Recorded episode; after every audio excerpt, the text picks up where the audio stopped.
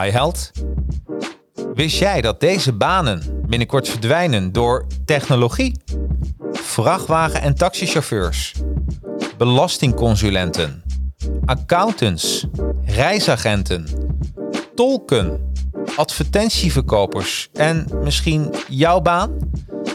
Nou, deze beroepen kom je tegen in bijna ieder onderzoekslijstje baan versus technologie. Kan jouw bedrijf deze klappen eigenlijk wel opvangen? Hoe wendbaar is jouw bedrijf? En wat betekent agile nu precies? Nou, hierover praat ik met auteur Hanneke Monen. Zij is auteur van het boek Hoe Boek voor Wendbaarheid. Wil jij als ondernemer of professional weten hoe jij jouw bedrijf of baan toekomstbestendig kan maken? Dan is deze podcast een must-hear. Here we go. Yeah, the advertising heroes. Let's go. Okay, the advertising heroes. Time for you to know. Help you get your name buzzing for the world. Time to show. Help create a market plan. Now it's time to get it rolling. Even offering you live and online courses. Yeah, yeah. Time to strategize. If you ready, let's begin. For your Instagram, Facebook, LinkedIn. Five years experience, the minimum. So they can help you step it up. Time to represent. Okay, can this ish crash? Knowledge is power. Advertising heroes, yeah, you know that they got ya. Time to take it higher, ready for whatever. Help your social media go to the next level. Uh, advertising heroes, and they ain't stopping. This ish crash? Knowledge is power. Advertising heroes, time for you to show it. Help you represent your brand. Time to be heroic, yeah. Advertising heroes, let's go. En we zijn live. Welkom iedereen bij aflevering 101 van de Jacarino's Advertising Heroes podcast. Uh, Advertising Heroes is een social media bureau, eigenlijk een reclamebureau met een focus op social media.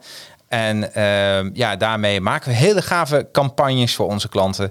En met Academy leer ik mensen hoe je die campagnes maakt. Dus uh, als je het ooit hebt over het woord funnels, uh, en denkt, ik wil iets mee gaan doen, bel mij dan even. Want uh, dan, misschien kunnen we je daar wel bij helpen. En we geven ook podcast trainingen.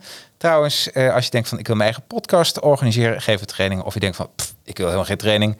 Ik wil gewoon bij jou in de studio komen en laten opnemen. Kan ook allemaal, allemaal bij Advertising Heroes of bij Academy. Um, en het concept van deze podcast is eigenlijk dat ik iedere zondag een boek lees. En dan ga ik er heel lang over nadenken. Nou, heel lang, een paar dagen. En dan mag ik vrijdag dat bespreken met de auteur in kwestie. En deze keer uh, is het uh, Hanneke Monen. Welkom. Dankjewel. Hanneke. Hoppakee. Uh, uh, Hanneke, even een vraag. hoe lang ben jij onderweg geweest hier naartoe? Zo'n twee uur. Zo'n twee uur? Ja. In de airco? In de airco, want het was heerlijk weer. En, ja. en Hanneke, je bent nu al in de nieuwe 100 afleveringen al mijn favoriete gast. Want uh, van 100 tot 102, kan ik nu wel zeggen. Want je hebt gewoon allemaal biertjes meegenomen. Nou, hoe lekker is dat niet? Ja, en niet zomaar biertjes. Nee. Let op de looks. Het zijn echt speciale biertjes. En daarbij ook nog een beetje cartoonish bieren. Full Moon 12, de Loki, de Valhalla bier is echt, nou, iedereen die uh, een beetje Marvel-fan is, weet wie Loki is. Of die Vikings heeft gekeken. Dus uh, ook nog goed. Dus uh, helemaal bedankt. Ja, Daan en ik gaan hem helemaal, nou, niet meteen allemaal vandaag, maar ergens deze week, dan, dan kunnen de slijter de lege flesjes wel zien aankomen, denk Check. ik. Nou, ik hoor graag wat de favoriet was. ja, precies. Ja. Ook belangrijk, uh, ik heb wat, uh, ik vroeg aan jou, wat wil je drinken? En toen uh, zei je ook van, ja, ik vind cola heel erg lekker. Ja. Nou, kunnen we elkaar de box geven, heb ik zelf ook. En Daan heeft wat verschillende cola's uh, meegenomen, allemaal zero. en ik laat ze even voor de kijkers even zien. We hebben vanille smaak, we hebben raspberry, dat is zijn de, de pink. We hebben cherry. Oké. En daar zie ik nog één staan. Volgens mij is dat vanille. Oh ja, vanille is dat, hè? De lemon. Oh, de lemon. Oh, de lemon. Ja, de lemon. Ja, waar beginnen we mee? Nou, ik ga voor die lemon. Dat lijkt me heel lekker fris. Ja, dat heb ik ook. Heb je nog een glas bij jou staan? Uh, heb ik. Heb ik. Ja. Oké, okay, check, Ja. check. Dus jij begint met de lemon. Pak ik die ook? Lijkt me heerlijk. Dan gaan we beginnen met de lemon. En zo hebben we een soort eigen cola-proeverijtje. Heerlijk, toch? Heerlijk. En, maar we gaan hier niet alleen over cola hebben. We gaan het hebben over jou als persoon en jouw boek. Uh, en meteen dan mijn eerste vraag voor jou. Uh, oh, trouwens, één blikje, dat zei Daan, heeft hij laten vallen. En ik weet niet welke dat is. Ja. Dus, Dus- dit wordt het moment. Dit wordt het moment van, Zal is ik hem dit bij de microfoon weghouden als ik hem open doe? Krijgen we zo'n Check, dit is de champagne. goeie. Dat is ook de goede. En ik, nou, ik denk dat het nu niet meer fout kan gaan, want dit, dit is wat het belangrijkste. De rest wordt wel eh, rustig, easy. Dat denk ik wel hoor. Komt goed. Ehm, stel eens voor, wij zouden naast elkaar eh, in een lift staan. Het duurt een minuutje. En wat zou je dan over jezelf tegen mij vertellen? En ik zou je niet kennen. Eh, en je zou vragen, wie ben je? Ja, wie ben je? Ja. Hanneke, wie ben je eigenlijk? Ja. Eh, Hanneke Monen, oprichter van Moon. Eh, nou, echt, echt dol op hoe kun je sturen in toekomstbestendigheid. En daar altijd op, ja, op zoek naar de praktische manier om dat waar te maken. Mhm. Als ik het heb over werk. Woon in Haarlem, twee kinderen en nou ja, twee boeken geschreven omdat ik dacht, dit kan anders. Ja, dat moet anders. Dat moet Ja, anders. En dat was jouw missie. Dat was mijn missie. Oh, mooi. Ja. En, eh, en je hebt een boek geschreven, inderdaad. Daar gaan we het inderdaad over hebben met z'n tweeën. Oh, even een keer de knopje. Ik heb, ehm, ik laat hem even zien. Dat is het, eh, bij mij is de filter toch wat beter denk ik uitgelegd. Het Hoe-boek voor wendbaarheid, omdat we met een greenscreentje werken. Ehm, en het boek, ik ben altijd doel op eh, de structuur. heeft 203 pagina's, een lekkere harde cover. Echt een werkboek, zoals je die vroeger van school ook had. Je kan er gewoon in krassen en in schrijven. Ja. Eh, hij is ingedeeld in deel A en deel B. Komen we daar ook even op terug. 9 hoofdstukken, 37 interventies, 4 dimensies. Kun je iets vertellen over de structuur van het boek? Want ik heb nog nooit gelezen in een... eh, Normaal heeft een boek hoofdstukken. Maar deze is ook nog ingedeeld in twee delen. Het Ja. A en B gedeelte. Ja, ja, kan ik zeker vertellen. Ja, vertel. Ja, nee, als je het hebt, hè, het boek gaat over wendbaarheid. En wat ik merkte in organisaties, als je wendbaarheid beter wil pakken, dat het vaak een heel groot thema wordt gemaakt. En dat wordt gezegd, nou, eerst moet de Raad van Bestuur akkoord geven, dat we echt iets kunnen. En toen dacht ik, nou, in mijn praktijk zie ik dat dat gewoon echt niet zo is. Dat je juist volgens mij veel beter kan kijken naar waar kunnen we aan de slag Ja. en wat kunnen we doen. Maar niet lukraak. Eh Nee. Het is natuurlijk wel de bedoeling om te kijken waar wringt het eigenlijk, waarom willen we überhaupt wendbaar zijn en hoe kun je daarmee aan de slag. Dus deel A gaat eigenlijk over wat is überhaupt wendbaarheid, want het is natuurlijk een fantastisch containerbegrip, daar kun je veel in doen. Ja. Laten we het eerst concreet maken en kijken in mijn setting. Eh, waar zitten de haakjes voor wendbaarheid? Dus waar zou ik, waarvan denk ik, oh, daar zijn we al heel wendbaar. Waar schuurt het nog? En vooral ook, waar zouden we aan de slag willen? Dat is deel A met een wendbaarheidscan. Even, en even, nou heb ik een kleine interventie. Ja. heb ik geleerd van je boek. Ja. Ehm, ehm, ehm, als we het hebben over eh, eh, waarom, waarom moet een organisatie wendbaar zijn? Wat is, waarom zou dat moeten? Want wendbaar betekent dat je snel aanpast aan de situatie, toch? Ja, snel en effectief. Snel en effectief. Ja. Dus eh, er gebeurt iets dat je op tijd duikt en eh, misschien wel even iets eh, terugpakt en teruggooit. Ja, precies. Dus dat je aan de ene kant het ziet aankomen überhaupt, maar aan de andere kant ook de goede beweging maakt. Ja, Zeg maar. ja. ja. ja. En dat komt trouwens eh, van de vliegtuigen, hè? Ja, klopt. Ja, en dat schrijf je in je boek. Kun je daar iets, iets over vertellen waar die term wendbaarheid vandaan komt? Ja. ja, na de Tweede Wereldoorlog ging het Amerikaanse leger op zoek eigenlijk naar eh, welke gevechtsvliegtuigen waren nou succesvol. En ze deden onderzoek naar eh, hoe snel kunnen ze vliegen, of hoe hoog kunnen ze vliegen, of onder welke hoek kunnen ze vliegen. En waar ze achter kwamen eigenlijk was dat niet één van die drie dingen bepalend was, maar juist de, de snelheid en de soepelheid waarmee zo'n vliegtuig het alle drie kon, dus het gemak waarmee het die verschillen kon maken. eh, dat dat eigenlijk maakte dat het vliegtuig succesvol was. En dat Ja. noemden ze agile, agility. Dus daar komt de term oorspronkelijk vandaan. Dit vind ik dus agile. Dat is echt een modewoord geworden. Ja, verschrikkelijk. En, eh, maar eigenlijk zeggen bij agile, iemand zegt, ik, heb, ik ben agile eh, consulent, hoe noem je dat? Agile coach, die heb je ook. Ja, agile strategy. Strategy. agile, ja. En eigenlijk dat, dat die persoon leert je, jouw organisatie of jou als persoon, eh, om flexibel te zijn, wendbaar te zijn. Nou ja, flexibel, hè, je kan zeggen flexibel, maar wendbaar is dat je, wat er ook gebeurt, het onverwachte, dat je goed kan reageren. Dus dat je inderdaad snel signaleert en de goede reactie hebt. Dat je effectief, dat je niet alleen je tij, hè, tij voelt keren en je bakens verzet, maar dat je ook echt een andere koers kan varen. Ja? En flexibiliteit is eigenlijk veel meer dat je dingen ziet aankomen en daar goed op kan reageren. Dus bijvoorbeeld nieuwe wetgeving, daarvan kun je denken, oh ja, daar moeten we wat mee Ja. een beetje kunnen stretchen. Ja. Maar dat onverwachte, het goed kunnen dealen met onverwachte situaties, dat is eigenlijk waar wendbaarheid heel erg over gaat. Ah. Hoe kun je in de basis soepeler zijn, Ja. zodat wat er ook gebeurt, je er klaar voor bent. Had jouw boek ook gewoon eh, eh, hoe boek voor agile kunnen heten? Of, of zit er een verschil tussen agile en wendbaarheid? Er heeft iemand gezegd die zei: noem dat boek nou hè, het boek voor agility of doe er Ja. iets met agile in. En toen dacht ik, nou, juist omdat het zo'n modewoord is, Ja, is niet mijn ding. En Nee. laten we ook gewoon de dingen noemen zoals ze zijn. ja, helemaal goed. Dus Ja. dit, is, dit is het wel, maar je hebt er gewoon voor gekozen. Ik wil niet mee. eh, alleen een dode vis zwemt met de stroom mee, dacht jij. Ja, Ja, precies. ja helemaal Ja. goed. Ja. Ik krijg een leuke vraag van Marvin. Die zegt van, ik heb het aan den lijve ondervonden. Mijn huidige functie is eh, komen te vervallen door deels digitalisering, deels de coronacrisis. ja. En, eh, en eh, Marvin is een held, want die zit er vanavond ook bij. En dat kan ik even een soort, soort reclame.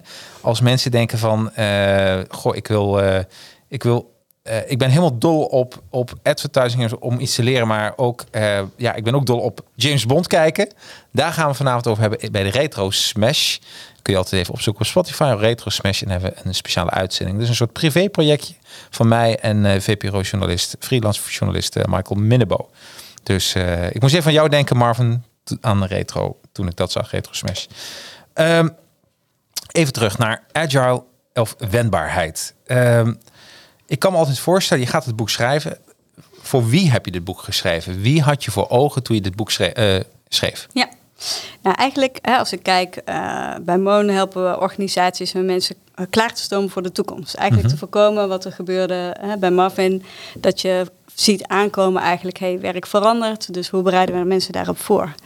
En eigenlijk is dat heel erg anticiperen. En daar merkten we vaak dat de leidinggevenden zeiden, managers zeiden, ja, maar we zitten te vast in de basis. Ja. Dus we zien wel dat we moeten veranderen. Dus we zien die klap wel aankomen. Maar duiken, zeg maar, dat is nog een dingetje. En toen dacht ik eigenlijk van ja, maar je kan zoveel doen om in de basis eigenlijk soepeler te worden. Dus als je daarin investeert, en corona heeft het eigenlijk laten zien, hè, dat zagen we niet zo goed aankomen. Misschien Nee. zou dat tegenwoordig bij een tweede, hè, derde, vierde, vijfde nieuwe ziekte anders zijn, maar dat zagen we toen niet zo goed aankomen. Dan helpt het als je eh, soepel bent. Dan helpt het als je snel ziet in de wereld, oh er gebeurt wat en dat je kan schakelen. Hè, Ja. Zoals in de horeca, dat je kan denken, oh we moeten dicht.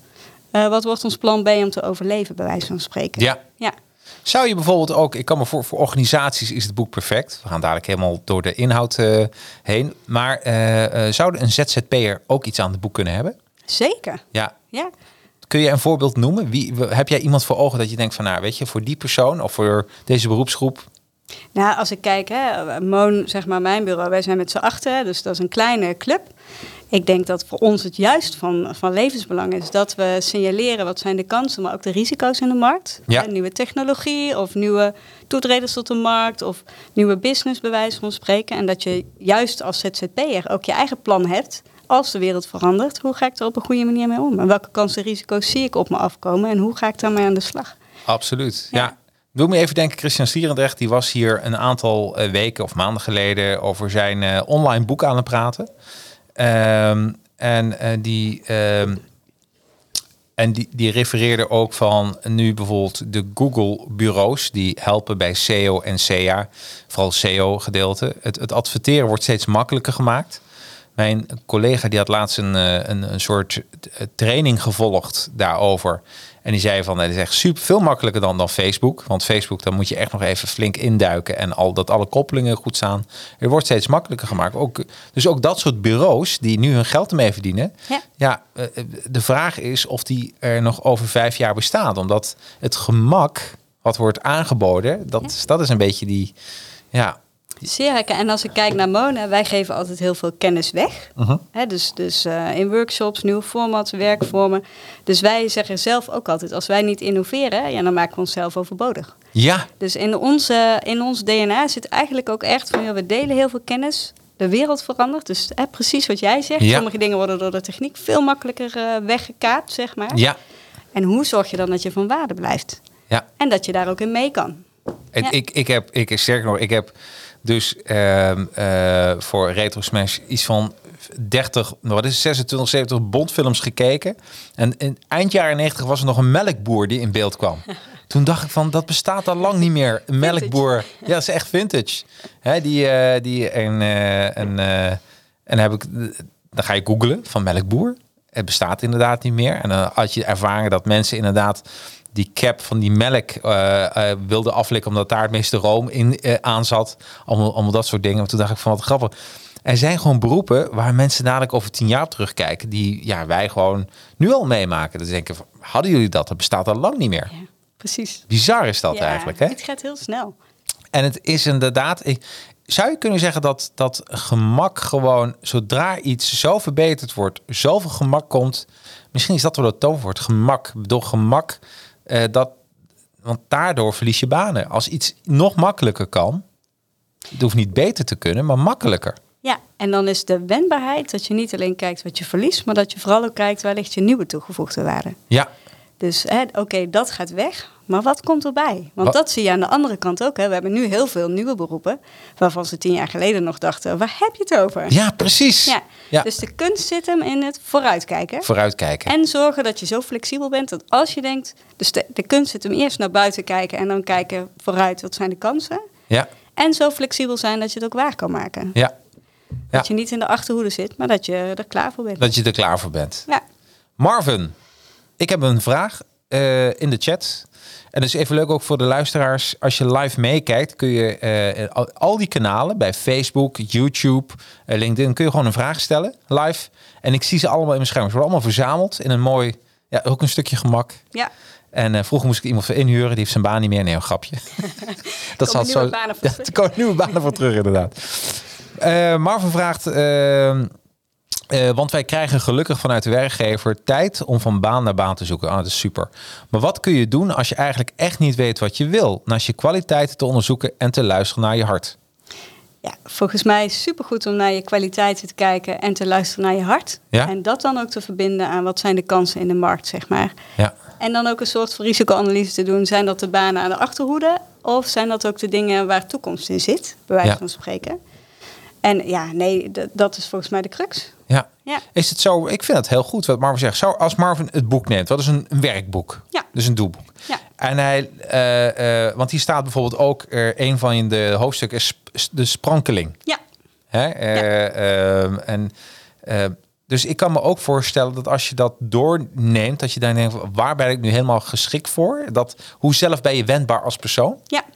Ja, Er staat een hele mooie interventie in over persoonlijke wendbaarheid. Even interventie, wat bedoel je daarmee?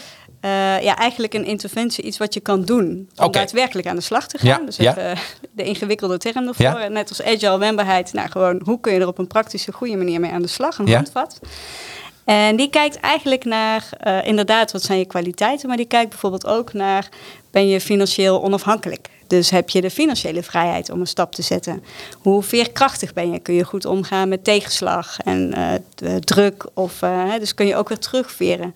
Die kijkt bijvoorbeeld naar eh, hoe fit is je lijf, zeg maar. Dus dat is wendbaarheid niet alleen kijkend naar welke baan past bij mij, maar eigenlijk in de basis, hoe vrij ben ik om te doen waar mijn hart ligt? Ja, En de goede weg te bewandelen en voor de langere termijn ook wendbaar te blijven. ja, Dat is een van de 39. Ja. Ja. Maar die is denk ik wel, nou ja, als je in de basis dus de scan wil doen, niet, hè, dit is een heel gerichte vraag waar je gerichter mee aan de slag kan. ja, Maar als je in de basis eens wil kijken hoe wendbaar, hoe is mijn vertrekpositie als persoon, ja. dan is dat wel een mooie. En verder kijkt het boek ook ja, vanuit een wat breder perspectief. Wat zijn de verschillende dingen die je kan doen? En sprankelen is er één van. Ja. Waar krijg je, wat zoek je in je werk? Waar krijg je plezier van? Hoe maak je je baan op maat bijvoorbeeld? Hoe benut je je talent? Ik, Bedoelde- ik- bedoel je ik- dat? ja, en eh, eh, grappig, eh, Gijs komt mijn gedachten wel lezen. Hij schrijft zoek een coach. Is het ook zo dat jouw boek wordt natuurlijk ook gebruikt door mensen die mensen ook helpen met hun loopbaan? Ja. Dat doen jullie zelf. Maar voor organisaties, denk ik, hè? Nou, wij zijn niet zozeer loopbaancoaches, maar het is Nee? meer zo dat we organisaties en managers en organisaties en teams en organisaties eh, helpen om even stil te staan, hè, even alle bordjes te laten vallen of nou, zo goed eh, aan de kant te zetten, de benen op tafel te gooien Ja. en bewust dus naar buiten te kijken, wat komt er op ons af? Ja, En dan ook te kijken welke nieuwe koers is voor ons toekomstbestendig, ja zeg maar. pe- meer, meer op, op dat soort niveau. Op het, Ja, op het, maar dan, maar dan ook wel weer eh, dieper in de organisatie. Wat betekent dat voor het werk? Hoe gaat Ja. het werk veranderen? Niet hoe, doe- hoe doe je je werk vandaag of hoe ontwikkel je vandaag, maar vooral wat wordt er straks van je gevraagd? Ja, en hoe kun je de goede dingen doen om te zorgen dat je klaar bent voor de toekomst? En hoe kun je als organisatie, net als die persoonlijke wendbaarheidsscan eigenlijk kijkt naar een aantal elementen. Zo kun je ook als organisatie op een aantal elementen kijken. Zijn we strategisch wendbaar bijvoorbeeld? Ja. Zien we die kansen? Zijn onze mensen en teams wendbaar, ja of nee? Zijn we wendbaar georganiseerd? Ja. Soms heb je de strategie is heel wendbaar naar mensen, maar het is de, de organisatie is zo strak ingericht dat het totaal niet tot zijn recht komt. En is er ruimte voor zelfleiderschap. Dus dan kijk je veel meer op organisatieniveau. Waar zitten de kansen en de risico's? Ja.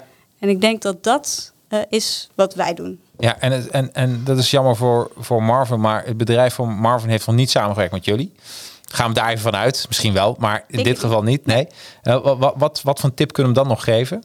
Want hij, eh, die, die, hij is zo'n traject al, al helemaal al ja, doorlopen. Tenminste, die gaat hij nu doorlopen. Ja, Wat co- heeft hij een coach nodig? En zo ja, wat voor coach? nou, ik denk een loopbaancoach super eh, goed zou zijn. Ja. Heb je, zijn er loopbaancoaches bij jullie aangesloten waar je contacten mee hebt? Of?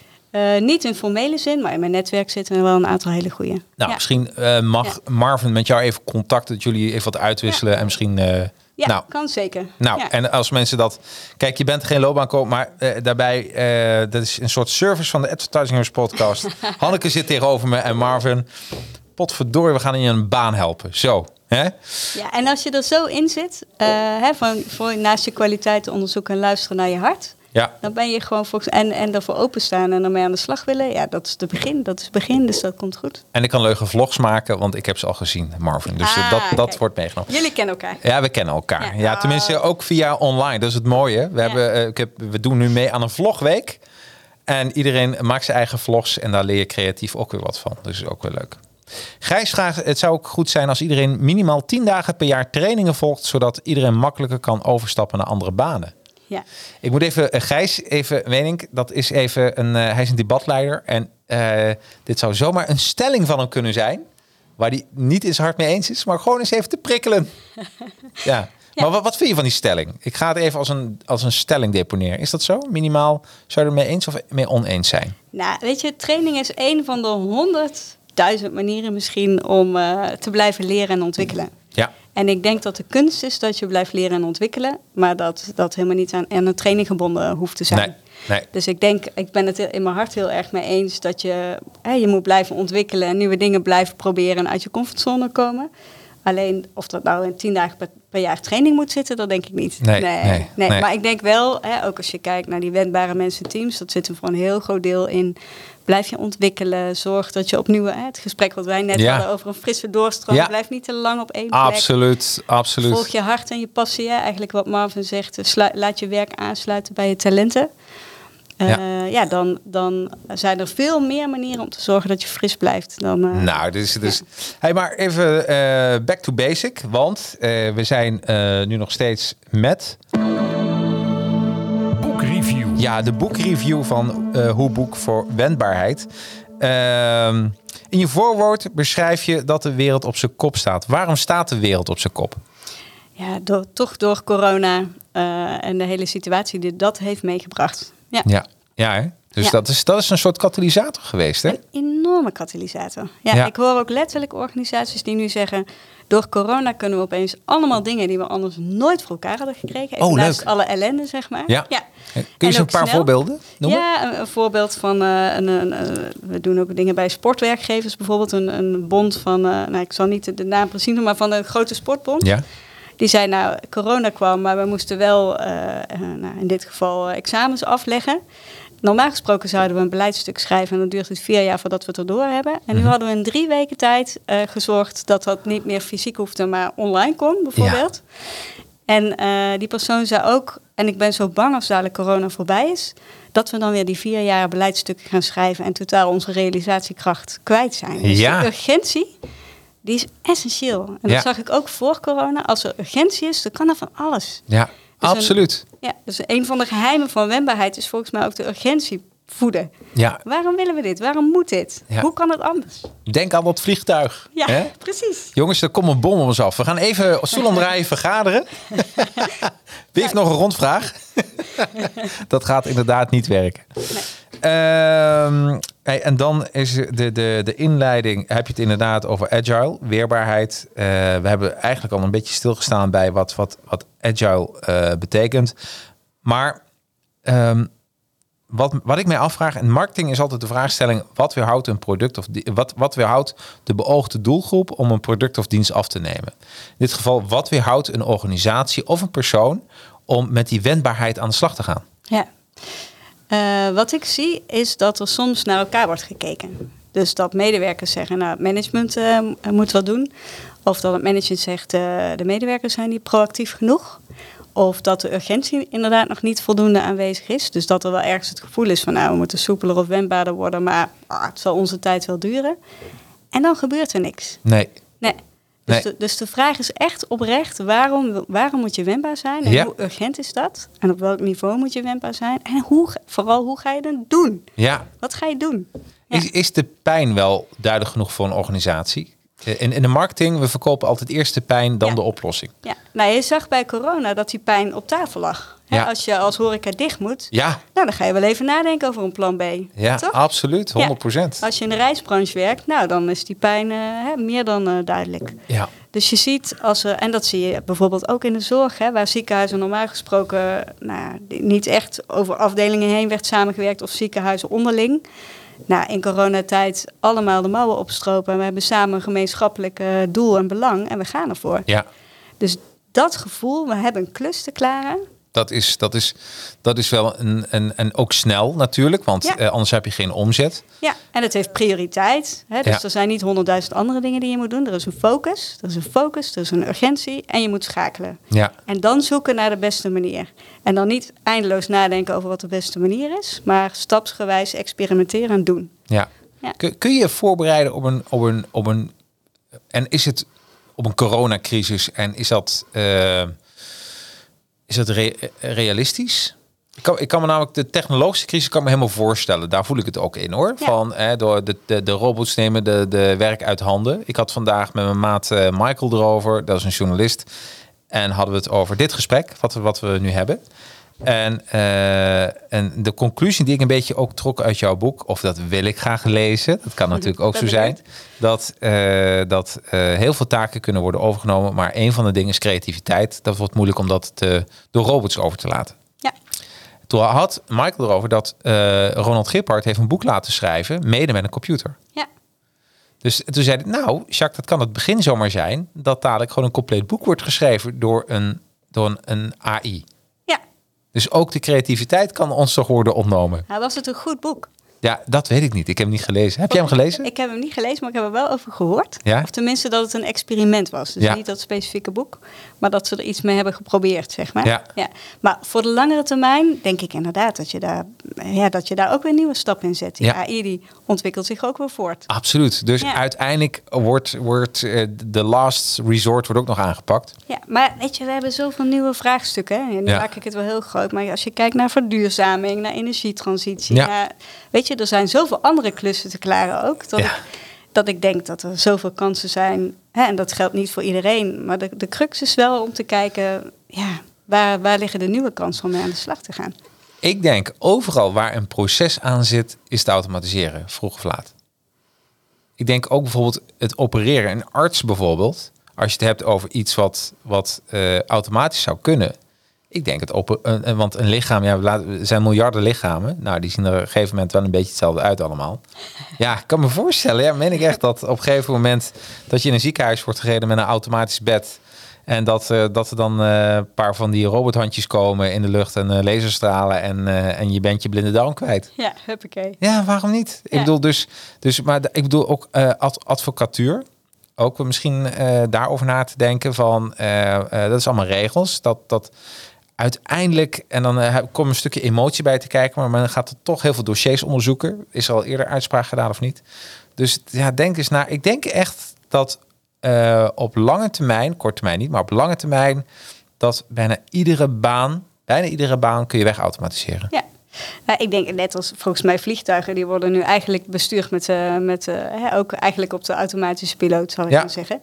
De reden waarom we dat nog niet in het echt doen, is dat dat psychologisch niet zo heel oké voelt. Nee, nee. Hè, dus er zitten ook Nee, nog gedragsaspecten nee, aan. En ik denk als die banen weer verdwijnen, want volgens mij heb je ook o- apparaatjes die, ogen, die beter een diagnose stellen voor bepaalde oogziekten Ja. dan de oogarts zelf. Hè, dus dat is helemaal in lijn Ja, met jouw verhaal.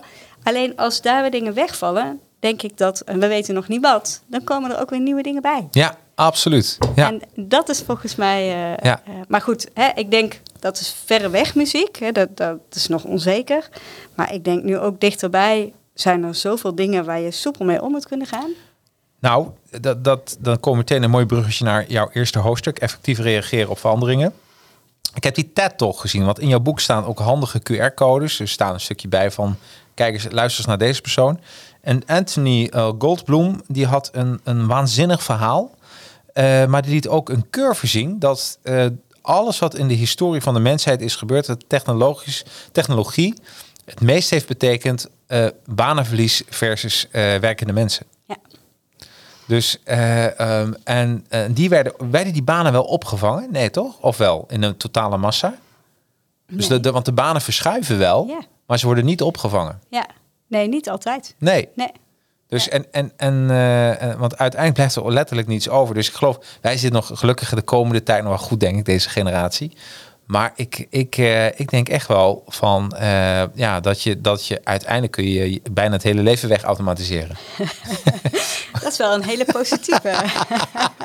Zitten gewoon lekker. en dan worden we cocktail- straks 200. Ja, dan je precies. zien, ben je 200 Wij- jaar ja, absoluut. absoluut. Heb je dat weer. Maar gaan we Ja. leuke dingen doen. Ja. Dat doen we nu al. Ja.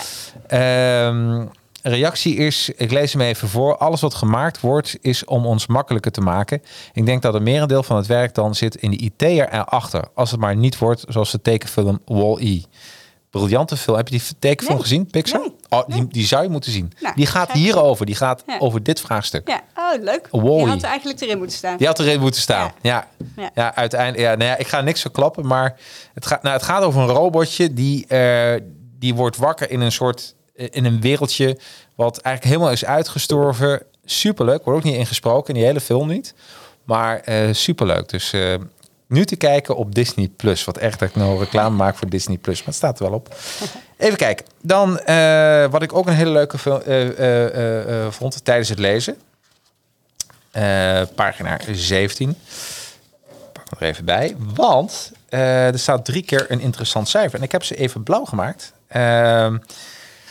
Een wendbare strategie op één A4'tje interessante cijfers. Het is het boek van Sjors van Leeuwen. En eh, deel 1 is eh 66% van de Nederlandse directeuren bevestigt dat zijn organisatie zonder innovatie niet overleeft. Veel. Ja.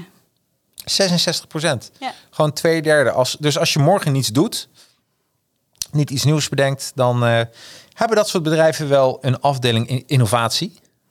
Ja, maar een afdeling innovatie, dat is een klein stukje in de organisatie. Ja. En de crux zit hem volgens mij ook in dat eh, je niet alleen op één plek probeert te innoveren, maar dat je in je organisatie ook vanuit de mensen die dicht bij klanten zitten en die het werk goed kennen van dichtbij, dat die ook blijven vernieuwen en innoveren. Dus Ja. het gaat en om die strategische innovatie, vaak bij R&D, Ja. maar ook om blijf je vernieuwen dieper in de haarvaten van je organisatie. Dit doet mij denken aan een bezoek aan de IKEA een jaar geleden. Wat gebeurde er? Dat was voor de coronatijd.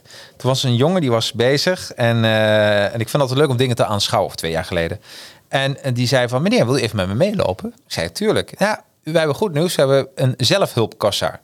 Dan zegt hij, nu kunt u eh, de producten zelf scannen. Dus hij liet me dat zien. En toen zei ik tegen hem, ik zei, je bent er wel heel blij mee. Ja, zegt hij. Ik zei, ik denk niet dat je binnenkort nog een baan hebt. En op dat moment, echt waar, keek hij me aan en toen viel het kwartje. En eh, zou het niet zo kunnen zijn dat, eh, dat je dit niet van iedereen kan verwachten? Want soms houdt het ook in dat innovatie ook betekent dat iemand zijn eigen eh, eh, eh, ja, baan wegsaneert. En dat kan het betekenen. En dan, dan is de vraag, moet je van iedereen verwachten dat je over je eigen schaduw heen kijkt? Dat denk ik niet. Hè? Nee. En ik denk ook niet dat die innovatie van medewerkers komt. Maar ik denk wel, als je IKEA bent en je loopt daar iedere dag over de vloer... en je hebt het over hoe wil je de eh, klantbeleving of klantverandering beter doen bijvoorbeeld... Ja. dat mensen daar bijvoorbeeld wel weer goede ideeën hebben. Ja, En eh, hè, als je kijkt in de thuiszorg bijvoorbeeld, kijk, sommige sectoren die hebben enorm arbeidsmarkttekort. Dus daar, daar is eerder de vraag, hoe houden, we- hoe houden we iedereen binnen? In plaats van dat de vraag is, gaat het werk weg? ja, Nou, ook daar gaat werk weg. Maar Ja. dan is de vraag, eh, innovatie in de, in de zorg bijvoorbeeld, wat zou je kunnen doen om straks iedereen nog goed te kunnen bedienen, bij wijze van spreken? Ja. En waar liggen dan, eh, hè, als dat werk, die, die steunkousen straks door de robot wordt gedaan, aangetrokken, waar liggen dan de kansen voor die medewerkers? Eh, is het eh, even een, eh, een etage hoger denken? Is het ook niet dat de economie hierdoor ontzettend gaat veranderen? Dat je Ja. daar misschien dadelijk een nieuwe economie krijgt. Ja, dat zou heel goed kunnen. Ja. Ja. Ik, Ja. moet, ik moet ook even denken, New York. Ik weet niet of je gelezen hebt. Die hadden robothonden ingezet. Nee? Nee, nou, dit is, dit is dus echt een ding geweest. Kun je even googlen. New York, robothonden. eh, door de politie. Dus die waren, die je in science fiction film ziet, die liepen daar rond. Oh. Om ja, eh, mee te bewaken.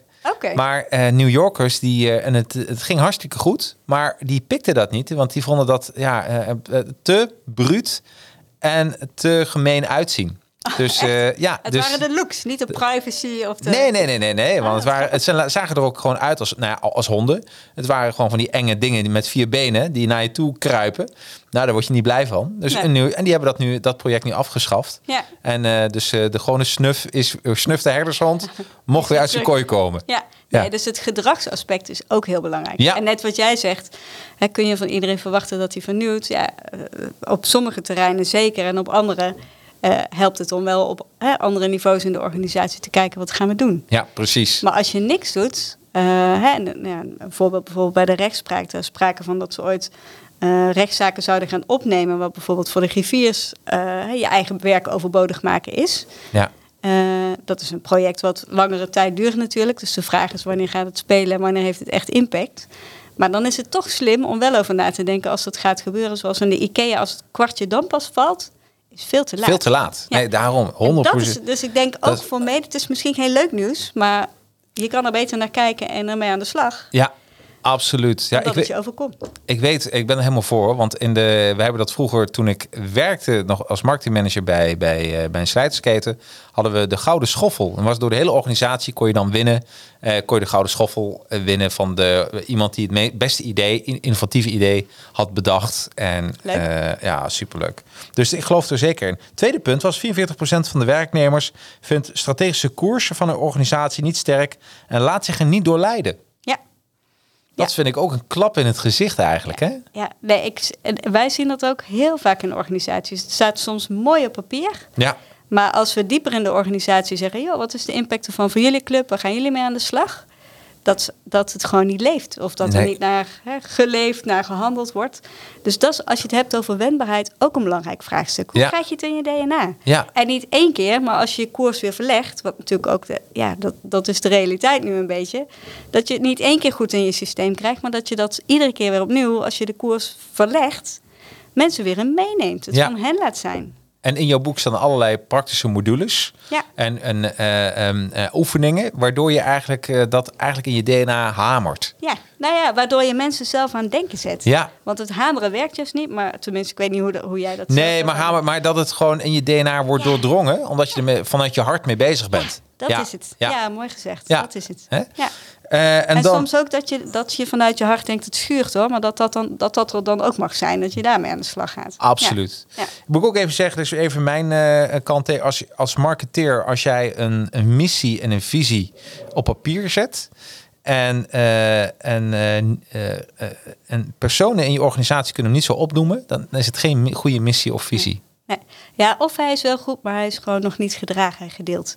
Nee, maar niet zo moeilijk als complexiteit versimpelen. Ja. Dat moet gedaan worden. Ja. Hè, eh, cool Blue, beschrijf in je boek alles voor een glimlach. Ja, Dat is even een leuk verhaal. Ja. Cool Blue. Jij had een hele goede ervaring met, met, met de wasmachine was het. Of de afwas, afwasmachine. De afwasmachine, ja. Ja. Wat, wat deed Cool Blue nu zo goed? Ja, nou, het was fantastisch, want we hadden een nieuwe afwasmachine. Hij was kapot en eh er kwam een nieuwe. En eh, we hebben hem speciaal bij Coolblue gekocht vanwege de klantenservice. Ze kwamen hem brengen, die jongens, en het was het verkeerde exemplaar. Hij paste niet. Hij paste niet onder het aanrecht. En in plaats van dat ze zeiden, mevrouw, u hebt dus een verkeerde model besteld, wat Ja. denk ik wel aan de hand was, zeg maar. Ik denk dat het mijn fout was, want ik heb hem besteld. Zeiden ze, we gaan even de klantenservice voor u bellen. Nou, Ja. dat vond ik al geniaal, dat zij gingen bellen. Vervolgens kwamen ze in de wachtrij, hadden er ongeveer zeven mensen voor zich. En ze zeiden niet, hier is het nummer, bel zelf. Nee, ze zeiden, we doen het wel even via de back-office. Wat denk ik niet helemaal het formele proces is, maar Nee. ze gingen de collega's van de back-office bellen. Ja.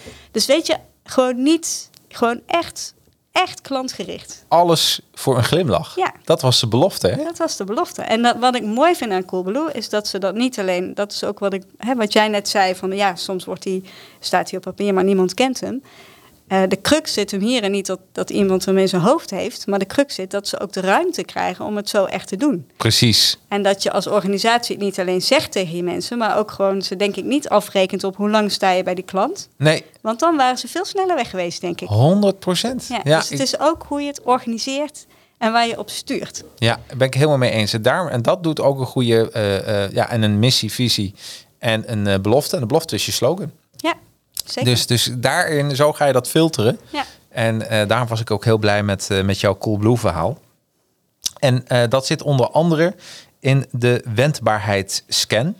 Ehm, en de wendbaarheidsscan, ik laat hem even erbij. Dus even kijken, pagina 25. Ik wil hem toch even laten zien. Ja, dat is even de why van wendbaarheid. En als mensen dit luisteren, het is een, op, het is een schema, zie je hem zo? Ja. zo zie je. Ja. Ja. En, ehm, eh, en dat is de why van wendbaarheid. Heel mooi. Ja, dus de scan is inderdaad nog een paar pagina's. Een pagina's verder. Oké, Ja. de van wendbaarheid. Want hij staat ook voor. Ja, dit is hem. De dit waar- is de- ja. de- dit is ja, hem. ik denk misschien wil je de andere laten zien. Ja, Deze. Dit is Ja. de, de, ja. En dit is eigenlijk een hele mooie, want hier staan eigenlijk allemaal. eh, je mag in het boek dan schrijven. Je hebt goedkeuring van de auteur, kan ik alvast zeggen. we hebben hem ook online, maar eh, voor wie wil kliederen, dachten we, Ja. huppakee, kliederen. Ja, ik denk dat het toch wel fijn is. Heb je dat Ik niet? het zeker. Ja, toch? Ja. Eh, en ik, een paar voorbeelden. Je hebt een strategische wendbaarheid. Je hebt eh, wendbare mensen. Wendbaarheid organiseren en werken. En zelfleiderschap. En als het even, ik pak er even eentje eruit. Er staat 1 tot en met 6 kunnen aankruisen. Ik noem maar wat hoor. Wij richten ons op bestaande doelgroepen eh, markten. En eh, de andere kant is, we hebben continu zicht op potentiële nieuwe klanten, doelgroepen en markten. Dus zo kun je dan aangeven, oh, zitten we een beetje midden of zijn we een beetje conservatief en eh, we richten ons alleen op de bestaande klanten? Of zijn we juist, eh, we richten ons eigenlijk als we nieuwe als we een klant hebben binnengehaald, dan zijn we weer vergeten en dan richten we ons weer op de nieuwe klant. Dat niet natuurlijk, Nee, nee. maar eh, wel dat Nou, je ogen open houdt. Ik kan heel veel organisaties, dit is, eh, en dat is een van mijn, in de online wereld gebeurt dat heel veel, daar heb ik niet over, eh, maar meer de, de, de, de online trainingen. Er wordt een training verkocht en red je maar, je hebt de inlog en, en men is alweer aan het werven voor de, voor de volgende klant. En daar, dat is wat, wat ik nu in deze wereld heel veel zie. Ja. Ja, dat is En ik denk als je dat vergeet, ja. Ja, en voor dan ons is- hou je ook geen klanten. Nee, en, en, en onze slogan is, of onze, onze belofte is eh, van klanten ambassadeurs maken. Dus eh, vandaar dat dat, dat dat zo belangrijk is. Ja. En dat begint al bij, al bij het begin tot, tot, tot aan nooit. Want eh, als het goed is blijven klant dan bij. je. Ja, heel herkenbaar. Ja, toch? Ja. heel herkenbaar. Ja, heel belangrijk. Ja. Eh, bij wendbare mensen, eh, pak er even eentje uit. Eh, wij associëren, wat ik heel belangrijk vind, leren en ontwikkelen met het volgen van georganiseerde opleidingen, coaching en teamdagen.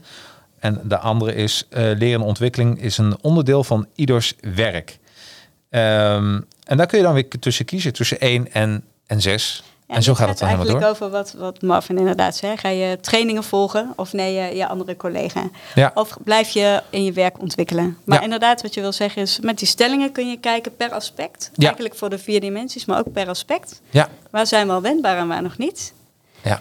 En veel interessanter nog is, want je hoeft niet op alle aspecten wendbaar te zijn. Nou, Eén is we bij wendbaar organiseren bijvoorbeeld. We hebben soepele processen, ik noem maar iets. Nou, als je bij Tata Steel werkt, dan hoef je misschien niet per se soepele processen te hebben. Dan is misschien de veiligheid belangrijker. ja, precies. Dus het is ook niet zo links is slecht en rechts is goed. Maar doordat je bewust alle aspecten langsloopt, kun je kijken: hé, hey, dit doen we, hier zijn we al wendbaar, hier minder. Maar je kan vooral ook het gesprek met elkaar voeren. Waar zitten nou voor ons de haakjes om de volgende stap te zetten? Precies. En focus aan te brengen. Ja, Dus nee, dat begrijp ik. En Ja. als er goed over is nagedacht dat het past bij jouw bedrijfsstrategie. Ja. En je weet wat daar de voor- en nadelen van zijn. Daar Ja. gaat het om, hè? bewustwording. Ja, precies. Ja. bewustwording en kijken als we een volgende stap willen. Als wendbaarheid belangrijk is, hè, die why van wendbaarheid die je net even liet zien. Ja, Dus is er urgentie. Maar dan vervolgens ook te kijken, als we dan wendbaarder willen worden, waar zitten de haakjes om ook echt stappen te zetten? ja, ja, mooi hoor. Ja, en dat is het mooie van het boek. Het zit vol met dat soort eh, ja, invuloefeningen. Ja, ik noem het de bewustwordingsoefeningen. Ja. Hè? Ja. Over bewustwording, ik krijg wat droge lippen. Je, heb jij jouw eh, lemon al eh, bijna op? Nee, maar hij is wel heel erg lekker. hij is wel Dus lekker, hè? de rest in. Oké, dan ga Ja. ik ondertussen... het aan om een nieuwe Ja, ik, ik, ga, ik ga het gewoon doen. Even kijken, ik pak eens even... Ja, ras cherry weet ik. Dan pak ik even de raspberry coke. Je ziet hem staan. Even kijken, en mijn biertjes, daar ben ik helemaal trots op. Ik dacht, wat, wat, wat, wat zie ik van witte toet in beeld? Maar dat, is, eh, dat zijn de biertjes. Helemaal ja. goed. Laat me lekker in beeld. Ik vind het helemaal niet erg om met bier in beeld te staan. Goed voor de imago. Even kijken, dan... ehm och, ik heb allemaal dingetjes ontdekt in je boek natuurlijk. Oh ja, het verhaal van Philips. Kun je daar iets over vertellen? Ja. Ja, Philips is denk ik mooi, dat is wel heel groot. Maar Philips is natuurlijk een mooi voorbeeld die zichzelf eh, iedere keer weer opnieuw uitvindt. Terwijl het wel een grote organisatie is. Hè. Mhm. Ja. Vaak wordt er gezegd van nou, je hebt eh, olietankers, speedboten. Maar wat Philips wel heel goed doet is kijken van nou, wat is nou onze markt en waarin investeren we wel. Maar ook dingen afstoten waarvan ze denken, daar zit het niet meer. Ja, ja, En eigenlijk is het daardoor een heel ander concern geworden. hè. Als je kijkt naar wat ze nu doen tegenwoordig, is hè, die gloeilampen, et cetera, en al die huishoudelijke apparaten, dat is het niet meer. Ze zitten veel meer in die medische sector. Ja, Dus ehm, dat vind ik een mooi voorbeeld van strategisch ook blijven kijken. Waar liggen de risico's, waar liggen de kansen en hoe verzet je de bakens ook in het echt. En dat hebben ze echt. Dus ze zijn in een, een marktleider, dat weten we in een coronacrisis. Toen hadden zij die beademingsapparatuur, waar Ja. mensen Amerika, Amerikanen nog om vochten. Ja. Ehm, en dat hebben ze wel even gedaan. Nou, even. eh, maar wat een, wat een, een kill your darlings schrijf je ook in je boek, hè? Precies, Precies, ja. En dat moet je ook kunnen, hè? dat moet je ook durven. Waarom is dat zo belangrijk? Kill your darlings. Nou, ik denk, En, en wat bedoel je ermee? Even voor mensen. Ja. ja, de kill your darlings is dat je ook afscheid kan nemen als iets niet meer past. Dus Ja. dat je ook kan zeggen, oké, dat is niet meer de markt waarin we van toegevoegde waarde zijn. Eh, we gaan echt opschuiven, we laten ook dingen los. Wat doen we niet meer? Ja. Eh, en dat is denk ik ook een belangrijke. En dat geldt voor een Philips, dat is groot en meeslepend. Maar dat geldt soms ook in het klein voor afdelingen. Eh, als je echt een verandering wil, wil doormaken. En dat zie ik nu bijvoorbeeld in de zorg. Ehm, daar, daar worden nieuwe technologische mogelijkheden. Die arbeidsmarkt is super krap. Dus zonder die urgentie zou het denk ik niet veranderen. Maar er zijn ook heel veel mensen die hebben daar wat minder mee in de zorg. Ja. Dus wat doe je nou om wel de innovatie eh, te blijven doen en je mensen te behouden en te zorgen dat hè, de kill your darlings, dat je niet meer vasthoudt aan ja, alle protocoldingen die eigenlijk helemaal niet meer gaan over zinvolle zorg, maar die ooit ergens zijn opgeschreven. Dus ook kritisch te kijken, waar zit onze toegevoegde waarde? Wat doen we wel, wat doen we toekomstgericht, maar ook wat doen we niet meer? Ja. Ja. ja. Nou, dat vond ik, ik. Ik kom natuurlijk zelf uit, uit de marketinghoek. En wat ik zo grappig vond, is ik las het eerste hoofdstuk. ehm, en toen dacht ik van, eigenlijk is hier wordt hier een compleet marketingplan in besproken. Ja, Vertel. Want, nou, eh, nou, alles wat er eigenlijk een beetje uitkwam, en dan heb ik het over de, de, de, de, de schema's die erin staan, die gebruik ik zelf voor, eh, voor het maken van marketingplannen. En, en dat is wat je ook moet doen, is je, je organisatie eh, ja, wendbaar maken in dit geval. Daarvoor gebruikte ik het term nooit, maar ik ga hem van nu af aan gebruiken en dan zal ik aan je denken. Maar dat is wat er gebeurt, want je, je, wordt steeds, eh, je gaat steeds eh, scherper in. De D-step methode, heb je het over? Nou, dat, dat is echt een marketing element wat je Ja. gebruikt. Eh, kun je daar iets over vertellen? Wat is een D-step? Ja, nou, die step is een methode om de buitenwereld binnen te brengen. Soms zie je organisaties die zijn te intern gericht. En met Ja. de die step ga je eigenlijk met zes brillen kijken. eh, hoe ziet de buitenwereld eruit? Welke ontwikkelingen komen op ons af? En natuurlijk, wat is de impact daarvan? Ja. En de D-step staat voor demografisch, eh, economisch, sociaal, eh, maatschappelijk, technologisch, ecologisch en politiek. En door met die brillen te kijken kun je nou ja, wat vanuit verschillende invalshoeken kijken wat gebeurt er allemaal. Ja, En vervolgens natuurlijk bepalen, oké, als dat de buitenwereld is. Hè, mooi dat jij dat zegt, van ja, dat is eigenlijk een marketingplan. Ja, want nou, dat is jouw business natuurlijk. Dit is mijn. Nou, dat Ja. ik zat even te kijken. Dat is eh, dimensie 1. Eh, dat ho- hele hoofdstuk, dimensie 1. Of, Ja. eh, dat is puur het. Als je een marketingplan wil maken, geloof mij, koop het boek. En dan heb je dimensie 1. En daarin staat wat je bij heel veel marketingtrainingen krijgt. Eh, dit is puur hoe het opbouw is van een, reclame, van een eh, marketingplan. Geen reclameplan. maar weet je wat het grappig is? Dat komt omdat dat jouw primaire werk is, zeg maar. Ja. Jou, dus jouw strategie. Maar als je in een zorgorganisatie werkt of in het onderwijs werkt of Ja. whatever... dan zul je zeggen, nou dat hele hoofdstuk gaat over wat willen we nou bereiken in ons echte werk Ja, in het precies. kader van de buitenwereld. Ja. Dus wat het doet is het je uitnodigen eigenlijk eh, even stil te staan, te kijken hoe verandert die buitenwereld, maar ook je koers te bepalen. Ja. En dat dus in de haarvaten te krijgen. Ja. Absoluut. Nee, maar die step gebruiken wij. Eh, de, het Porter-model komt erin terug. Eh, en dat vind ik, maar dat vind ik dus super. De, de, de ambitiewolk. Weet je, er zijn heel veel dingen wat, waarvan ik denk van wauw, dit, dit, ja, dit, dus vandaar dat ik ook denk dat eh, het boek in een organisatie eh, dat veel mensen zich in herkennen in de ehm, in alles wat ze al een keer geleerd hebben. En dat kunnen ze dan op deze manier modelleren om hun organisatie wendbaar te maken. Ja. Dus het, is niet zomaar iets dat iemand weer een nieuw iets heeft bedacht. Eigenlijk is het eh, modellen die eigenlijk soms al bestaan. Maar dat je zegt van we vormen een. dit is het boek, dit is de aanpak, dit is het proces. En dat mensen denken van ja, maar dit werkt omdat al die modellen zich al een keer hebben bewezen. Ja, ja dus, hè, er staan veel bekende modellen in, er staan soms nieuwe modellen in. Mhm. Maar wat vooral belangrijk is, is dat je, ze, dat je kan kijken wat, hè, waar zijn die haakjes en waar moeten we mee aan de slag. Hè? Precies. Zou je ze allemaal moeten doen? Of denk je, oh, die externe focus die hebben we wel. Ja. En die ambitie en strategie die hebben we wel, maar hij zit nog niet in de haarvaten. Hoe krijgen we dat voor elkaar? Ja, Dus je kan ook kijken waar, zit, waar, waar moeten we mee aan de slag. En dan ook vooral inderdaad de vertaalslag maken en het gaan doen. ja. nou dat is het. Want eh, en het is ook een doelboek. Want alles, ik, ik, ik sla gewoon even een pagina over. Dit, dit is bijvoorbeeld een pagina waar mensen een invuloefening kunnen doen. En hij- die- hij staat vol met invuloefeningen, een stukje theorie en een invuloefening. En dat maakt het wel heel eh, pragmatisch. Je kan er meteen mee aan de slag. Ja. Dat, is, dat, is, eh, dat is wat er eh, wat.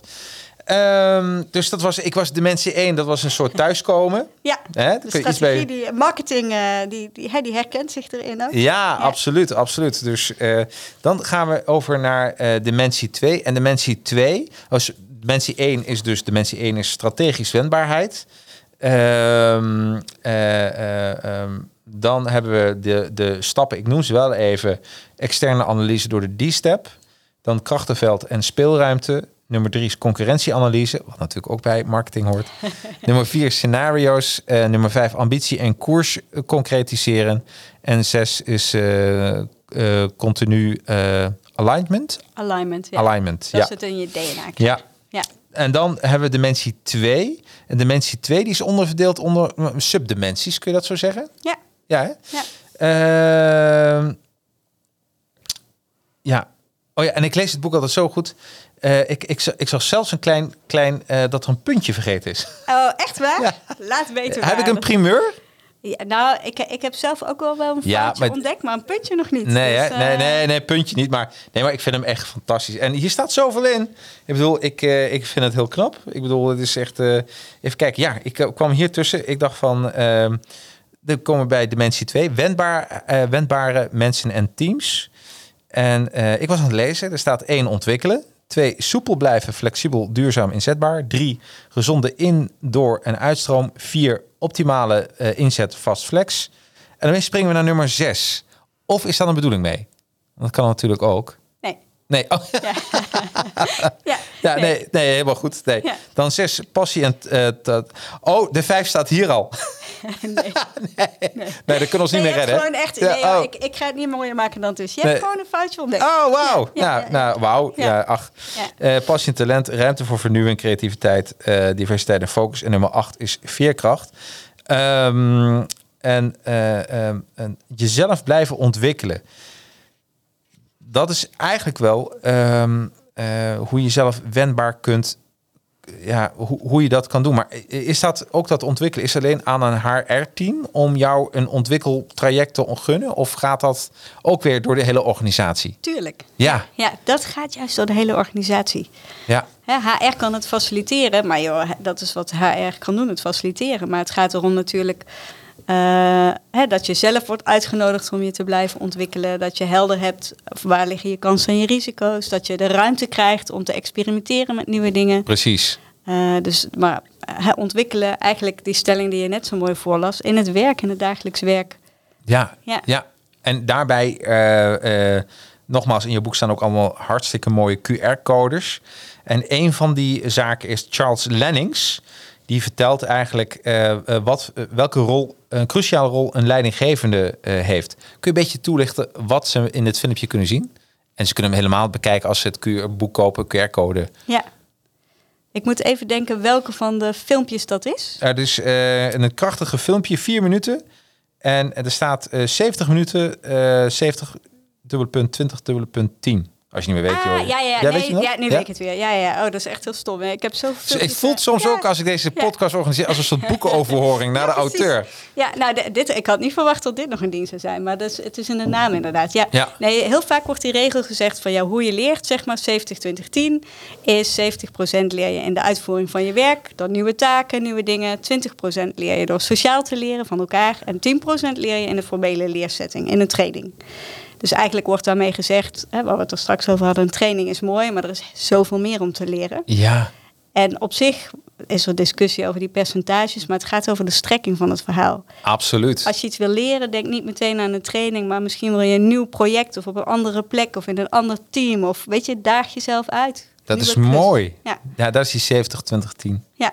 Ja, ah, mooi. wat grappig joh. Ja. Ik dacht, welk filmpje? Ja, wat erg. Nee, maar zeg maar Ja. Joh, ik, ik, ik- als je ziet wat er allemaal in het boek staat, dat is, eh, dat, dat, dat, dan, dan, dan moet je een robot zijn, wil je dat allemaal onthouden. En daarom is het ook een doeboek.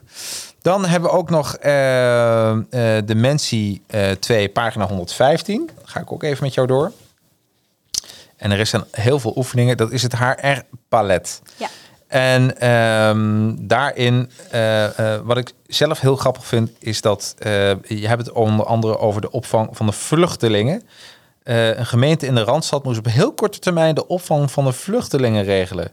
Vooraf werd gezegd, onze mensen zitten redelijk vast op hun taak. Wat is daar gebeurd? Wat, wat, is daar, wat verschil hebben zij gemaakt? Ja, ja die, dat is een prachtig voorbeeld van urgentie. Daar zaten mensen op hun eigen taak. Als ze iets anders moesten doen, werd er een beetje gemopperd door de leidinggevende van dat willen mensen niet, dat is gedoe. En daar moest een klus geklaagd, want er moesten vluchtelingen worden opgevangen. En binnen een week was er onderdak nodig, voeding, kleding, noem maar op. Dus er werd ook gezegd, mensen, mouwen opstropen, we moeten aan de slag. En er was heel veel bereidheid over teams heen. Mensen zeiden, oh, ik kan dat, ik kan dat, ik kan dat. Ja, ja. De gemeentesecretaris zei, ja, ze willen allemaal s'avonds werken. Dus er was urgentie om het goede te doen. Ja? En eh, mensen zetten hun talent in en die wilden met elkaar aan de slag. En daar bleek superveel mogelijk. Ja. Dus de boodschap, hè, ook wat, het was een supermooie reflectie aan de achterkant. Dat ze zeiden, wij zeggen dat mensen helemaal niet, weet je, wendbaar en flexibel zijn. Dat zijn ze wel. Alleen, wat, wat is er dan nodig? Ja. Nou, dat er een heldere prio is, dat er urgentie is, dat, dat we allemaal weten wat we met elkaar willen bereiken. Dat, het, dat er wordt gezegd, laat dat even liggen, want we gaan dat doen. Ja. En hè, dat je in mensen in, in over grenzen heen met elkaar laat samenwerken aan de goede dingen. ja. Dus soms zit het hem niet in de mensen, maar zit het hem in waar moet je mee aan de slag en hoe organiseer je het goed. Ja. Ja. Ja, mooi. Ik vond het mooi. En dat staat ook in je boek staan heel veel van dat. En die allemaal krijgen een soort gekleurde kader, een soort beige kader met rode letters. En dat zijn echt ook de voorbeelden, Ja. zodat je ook heel snel kan, kan scannen. Waar ik ook altijd dol op ben. Van wat is nou, Ja. wat, wat zijn nou leuke voorbeelden met de QR-codes erbij. Dus dan wordt het ook heel. Je hebt er echt voor gezorgd dat het boek heel pragmatisch is. En praktisch. Ja, Ja. pragmatisch praktisch. Ja. Eh, het was, het, de vraag was, is het een hoeboek of een doeboek? Ja, ik had het ook een doeboek kunnen noemen. Ja, Ja, dat is ja, discussie over ja, geweest. ja, Ja. absoluut. Ja. Ja, ik zeg het steeds doeboek, maar het is een hoeboek. Ja. maar hoe en doe. Ja, nou ja, deel A is een hoeboek. Ja, de- ja, precies. Kijken waar zit het hem in. En deel B eigenlijk, hè, dat was je vraag aan het doeboek. begin, is het doeboek. De doe, doe, ja. Ja, hoe kun je doen? Dan heb je het ook nog wat ik zelf heel leuk vind. De sprankel. Ja, Eh, hoe, hoe belangrijk is een sprankel binnen een organisatie? En kun je, kun je, dat, kun je dat mensen leren? Nou, ik denk, eh een sprankel is essentieel volgens mij. Nou, dat weten we zelf ook. Als je werk Ja. waar je hart sneller van klopt. Weet je, dat, dat, dat, dan wil je ontwikkelen, dan wil je een bijdrage leveren. Dus ik denk dat die sprankel essentieel is.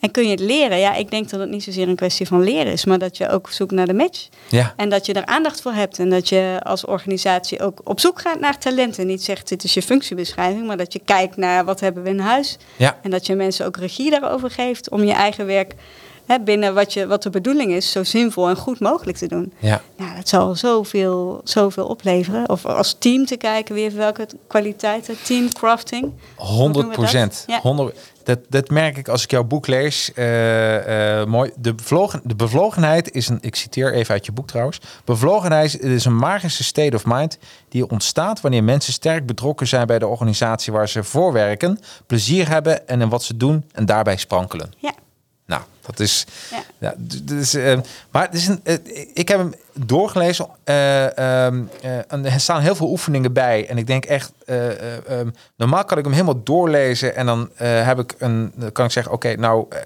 kunnen we heel diep in de materie gaan. Maar ik heb dat, dat, dat hoeboek helemaal doorgebladerd, doorgelezen. Het doel, daar zitten heel veel oefeningen bij. Maar gelukkig herken ik dat in mijn vorige werk. Dat ik denk van, wauw, het zit heel ja, solide in elkaar. En als je het zo doorwerkt, je hoeft niet alles op te pakken wat je zei, hè, die oefeningen. Maar gewoon wat past het beste bij jou.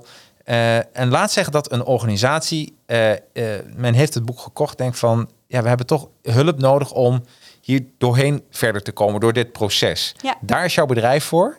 Ja, eigenlijk zeggen we, hè, je kan met een wendbaarheidsscan, eigenlijk zeggen we lees niet deel B helemaal. Want dan Nee, word je helemaal gek. dan word Hè, je er gek. staan zoveel interventies in en dat hoor ik jou ook een beetje zeggen. Oh, Ja. help. De bedoeling is met de scan te kijken waar zitten de haakjes. Ja. En omdat we merkten in de praktijk dat het dan vaak strandt op hier zouden we iets mee moeten, maar vooral die realisatiekracht en doelkracht bleef hangen. Hebben we er inspiratie in gestopt, of heb ik inspiratie erin gestopt om te kijken, maar hoe kan ik ermee aan de slag om te laten zien dat het echt kan? Want dit zijn voorbeelden uit de praktijk. Ja, ja, ja, ja. Eh, maar lees vooral niet heel deel B eh, integraal door, zou ik zeggen. Maar ja, daar, daar zit een leeswijzer bij vanuit Ja. de scan. Dat je kan kijken, hey, als dit de haakjes zijn die voor ons interessant zijn... eh, lees dan in deel B deze en deze hoofdstukken. Oh, kijk, dit vind ik dus helemaal cool. Ik hou Ja. van, ik ben echt gek op structuur.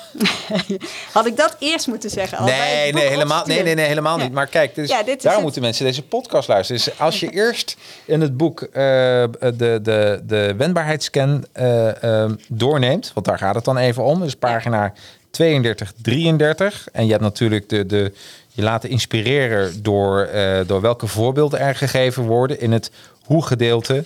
Dan ga je vervolgens naar, met de uitslag naar pagina 50, 51.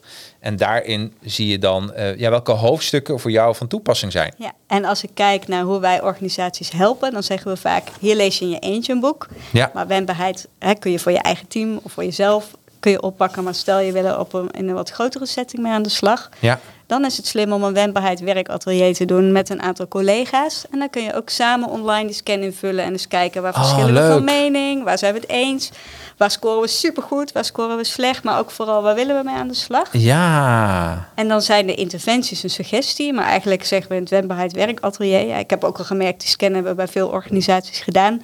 Dat bijvoorbeeld een, een, een mediabedrijf, een nieuwsbedrijf zei, ja, wat voor ons echt een ding is, dat staat niet in de scan, maar doordat we de scan maken zien we dat nu, is dat er heel veel wisselende diensten zijn met mensen met heel specifieke expertise. Dus we kunnen niet zomaar iets met flex roosteren of zelf roosteren, nee, het is echt gebonden. Daar zit hij voor ons. Dus Ja. soms helpt dit ook om het even op een rij te zien. Ja, juist. Ja, en te zeggen, oh ja, wendbaarheid is een vaag containerbegrip. Vind ik zelf ook hoor, eerlijk Ja, gezegd. ja, Maar doordat je hem laat op die vier dimensies en hem concreet maakt, kun Ja. je echt kijken, oké, maar daar zit het in. daar zit hem in. En zo kunnen we aan de slag. Ja, Ja. het is mooi die twee-staps raket, want dat is het. Ja, Gaat eerst een het. scan doen Ja. en dan kijken waar gaan we Ja. induiken. Ja. Waar, wat gaan we verbeteren? ja, en het boek is zo geschreven dat je het zelf kan doen. Ja. Dat zeg ik ook heel eerlijk. Ik hou zelf niet zo van boeken dat je ze leest en denkt, nou, nu moet ik de consultant inhuren. Nee, Eh, en we merken dat veel, hè, dat merkte bij mijn vorige boeken ook. Daar geef je eigenlijk ook alles om het zelf te doen. Dat het soms toch fijn is om even begeleiding erin te krijgen. ja, absoluut. En dan kunnen ze jouw contact opnemen. Ehm, ehm, met, je, met je bureau natuurlijk. Ja. Eh, de URL van je bureau, kun je me even zeggen in de uitzending? Dat is grappig, hè? Dat is de reclameband. Dat zou Ja. ik nooit durven anders. Dat is zo Ja, maar daarom vraag ik het je. Heel Hè? goed voor jou. Ja, Ja? Eh, www.moon-in het midden hrm.nl. Ja, een Moon met twee O's. Ja. Moon-hr M. M, hrm.nl. Ja. Moon-hrm.nl. M van Marie. Ja. Nou, of M van Monen natuurlijk. hey, als laatste, ben ik trouwens wat vergeten dat je zegt, Jacques, dit, dat, Ja, jammer ja, dat je dat niet hebt hebt. Nog twee dimensies in, in, ik kijk naar de tijd, heel korte tijd. Het Ik heb hem vastgezet. Ja, oh, oké. Ja, maakt niet uit. Ja. Dit is dimensie 3. Eh, wendbaar organiseren, zeg Ja. maar. Dat wordt vaak heel groot en meeslepend en grote projecten. Maar dat kun je ook klein en pragmatisch oppakken. Ja. Bijvoorbeeld een ziekenhuis die wil meer patiëntgericht organiseren, duurt eindeloos. Maar als een aantal specialisten, medespecialismen bij elkaar zeggen... nou, dit is een patiënt die eigenlijk onze vier afdelingen nodig heeft. We gaan een halve dag in de week zitten, eh, multidisciplinair... dat een patiënt niet vier keer terug hoeft te komen naar het ziekenhuis... en dat we alle eh, kennis kunnen delen. Dat is organiseren in het klein, ook wendbaar. Dus Ja, precies. Zoek altijd naar wat we wel kan. Ja, En misschien wel de allerbelangrijkste hebben we niet belicht. Dus het is goed misschien om die nog als take-home eh, Ja. message mee te geven. Je kan al die dingen doen, maar als je investeert in leiderschap voor zelfleiderschap. Ja. Dus als je professionals de ruimte geeft en als de bedoeling wel in de haarvaten zit en je kan van daaruit je echte werk doen. eh, en dat is ook een kunst, zeg maar, hoe je dat eh, doet. Daar zitten ook interventies voor in. Ja, dan creëer je wendbaarheid van onderop. Ja. Want dat betekent dat iedereen in zijn dagelijks werk kan kijken vanuit de bedoeling: hé, hey, wat zijn de belangrijke beslissingen die ik nu neem? En ik zie heel veel organisaties waar dat ook of te strak is ingeregeld, of qua micromanagement of medewerkers die zeggen: nou, die strategie is helemaal niet helder. Dus wat moet ik ermee? Het zal mijn tijd wel duren. Dus wil je wendbaarheid in, de, in je DNA krijgen, dan is dat ook nog wel echt een mooie om mee aan de slag te gaan. En dat is dimensie nummer vier. Ja, Dimensie nummer vier is zelfleiderschap. ja, Ja, en dat zijn de vier, dimen- eigenlijk zijn die vier dimensies, dat, daar gaat je boek eigenlijk over. Ja. Eh, het hoe, doe, eh, dan plan A, B en de vier dimensies. ja. En daarna ook nog 37 interventies. Ja, ook nog. Ja, en vooral, doe, weet je, dat, dat Ja. doe zit hem vooral in. Wacht niet af, maar kijk binnen je eigen invloedssfeer wat je kan doen. Ja, absoluut, absoluut. Ik vind het een hele waardevolle podcast. Ehm, en waarom? Het is een soort gebruiksaanwijzing voor het boek. Want het zit vol zo goede ideeën en zoveel modellen. Maar eh, eh, op een gegeven moment ben je, de, welke zou ik nu toepassen? Welke, en eigenlijk zeg je van, ja, die twee-stapsraket. Als we dat op die manier doen, er. Ja, klopt. Leuk. Ja. Eh, voor de rest wat vergeten? Nee, volgens mij is dat Nee, het belangrijk. ja, dat is het belangrijkste. Ja, Marvin, jou vergeet ik niet, want je hebt nog een vraag. We hebben vanuit ons werk een dag meegelopen in een bejaardenziekenhuis, te huis. Heel wat anders, maar daardoor kon je ook zien welke zaken je daar leuk vindt en welke minder. Denk dat het mee- meelopen bij andere afdelingen en de mogelijkheid ertoe je visie kan verbreden. Soms weet je niet wat er allemaal bestaat. Mooi, ja prachtig. toch? Ja. ja. En er staat één in het boek bijvoorbeeld ook een overzicht van interventies voor bredere inzetbaarheid, waarbij dit er één is. Mhm. En er ongeveer nog 25 andere praktische suggesties staan. Dus dat is misschien. Ja. Ik denk dat we daar nog een fotootje voor eh, moeten. Hè, als tips, zeg Ja, maar. precies. Concrete tips. Ja, ja. Maar eh, ja, prachtig voorbeeld. En zo is het ook. Ja. Dus, eh, eh, nou mooi. Dus als organisaties zich wendbaar willen, eh, willen maken met in kleine stappen grote impact, want dat is jouw belofte van het boek, dan, dan zou ik zeker zeggen, koop het boek, want hier zit een eh wendbaarheidsscan in, een wendbaarheid atelier en 37 interventies in een online toolbox. Nou, dus eh, een, strikje eromheen en, eh, en helemaal mooi. Eh, bedankt voor het, voor het gesprek. ik vond het echt zeer waardevol. En ik ben ervan overtuigd dat er heel veel mensen nu denken van... "Hmm, we gaan eens even naar een managementboek en het boek bestellen. Ik zorg er ook voor dat de link van managementboek ook op mijn website staan. Zodat mensen dat even kunnen aanklikken en het boek kunnen bestellen. Ja, en als mensen een boek hebben, krijgen ze ook gratis toegang tot de online toolbox die daarbij hoort. Ja, precies. Ja. Nou, daarom. Het is, het is een eh, grote strik eromheen. Dit is het beste cadeautje wat je, wat je kan, eh, kan geven. Marvin zegt dank allebei. Jij ook bedankt eh, Marvin voor het kijken en reageren natuurlijk. En iedereen die ook heeft gekeken, geluisterd en dacht van we gaan niet reageren, maar we nemen het even tot ons. Helemaal goed. En eh laat even lekker bezinken. En misschien trakteer je jezelf wel op zo'n mooi boek. Het Hoe-boek voor wendbaarheid. Dankjewel Anneke. Dankjewel. Ehm, volgende week ben ik er weer met de Advertising Heroes podcast. En gaan we vreubelen. En denk je vreubelen? Ja, het grote vreubelboek van Ben Kuiken en Marijne Vos. En, eh, en eh, denk je van, ik wil even nog iets meer weten over, over podcast, Advertising Heroes. We hebben al onze snacks, onze video snacks, die eh, onze auteurs gebruiken, die hebben wij nu ook geplaatst op YouTube. Het was nooit de bedoeling, maar iemand vroeg er dan aan ons. Ze zeiden van, weet je wat, we gaan ze ook op YouTube plaatsen. Dus als je naar de Advertising Heroes YouTube pagina gaat, dan zie je eh, ergens shorts staan. En daar zie je eigenlijk allemaal kleine fragmentjes uit, eh, uit de podcast. Het duurt een minuutje. Eh, we hebben de leukste fragmenten er steeds uitgehaald. Dus misschien is dat ook wel leuk. Tot volgende week. Hoi!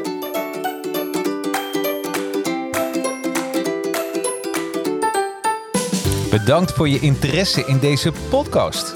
Wil je geen één aflevering missen? Klik dan op de volg- of abonneerknop in je favoriete podcast-app, zoals Apple Podcast of Spotify. Wist je dat de opnames met deze podcast wekelijks live worden opgenomen met online publiek? Iedere vrijdag om 4 uur op het YouTube of Facebook kanaal van Advertising Heroes. Of gewoon op het persoonlijk LinkedIn profiel van mij, Jacarino. Over LinkedIn gesproken? Connect met mij. Zoek op Jacarino, is J-A-C-A-R-R-I-N-O. En nodig mij uit voor een connectie. Zet dan in het bericht dat je deze podcast hebt geluisterd. Ik voeg je dan snel toe tot mijn netwerk. En last but not least, zou je deze podcast een paar sterren of een review willen geven? Kan gewoon via Apple Podcast of via mijn LinkedIn pagina. Zou ik echt helemaal geweldig vinden. En ben je van plan om een social media campagne te lanceren? Met Advertising Heroes maken we gave social media campagnes. En via Academy leer ik je hoe je ze maakt. Nou, tot de volgende aflevering.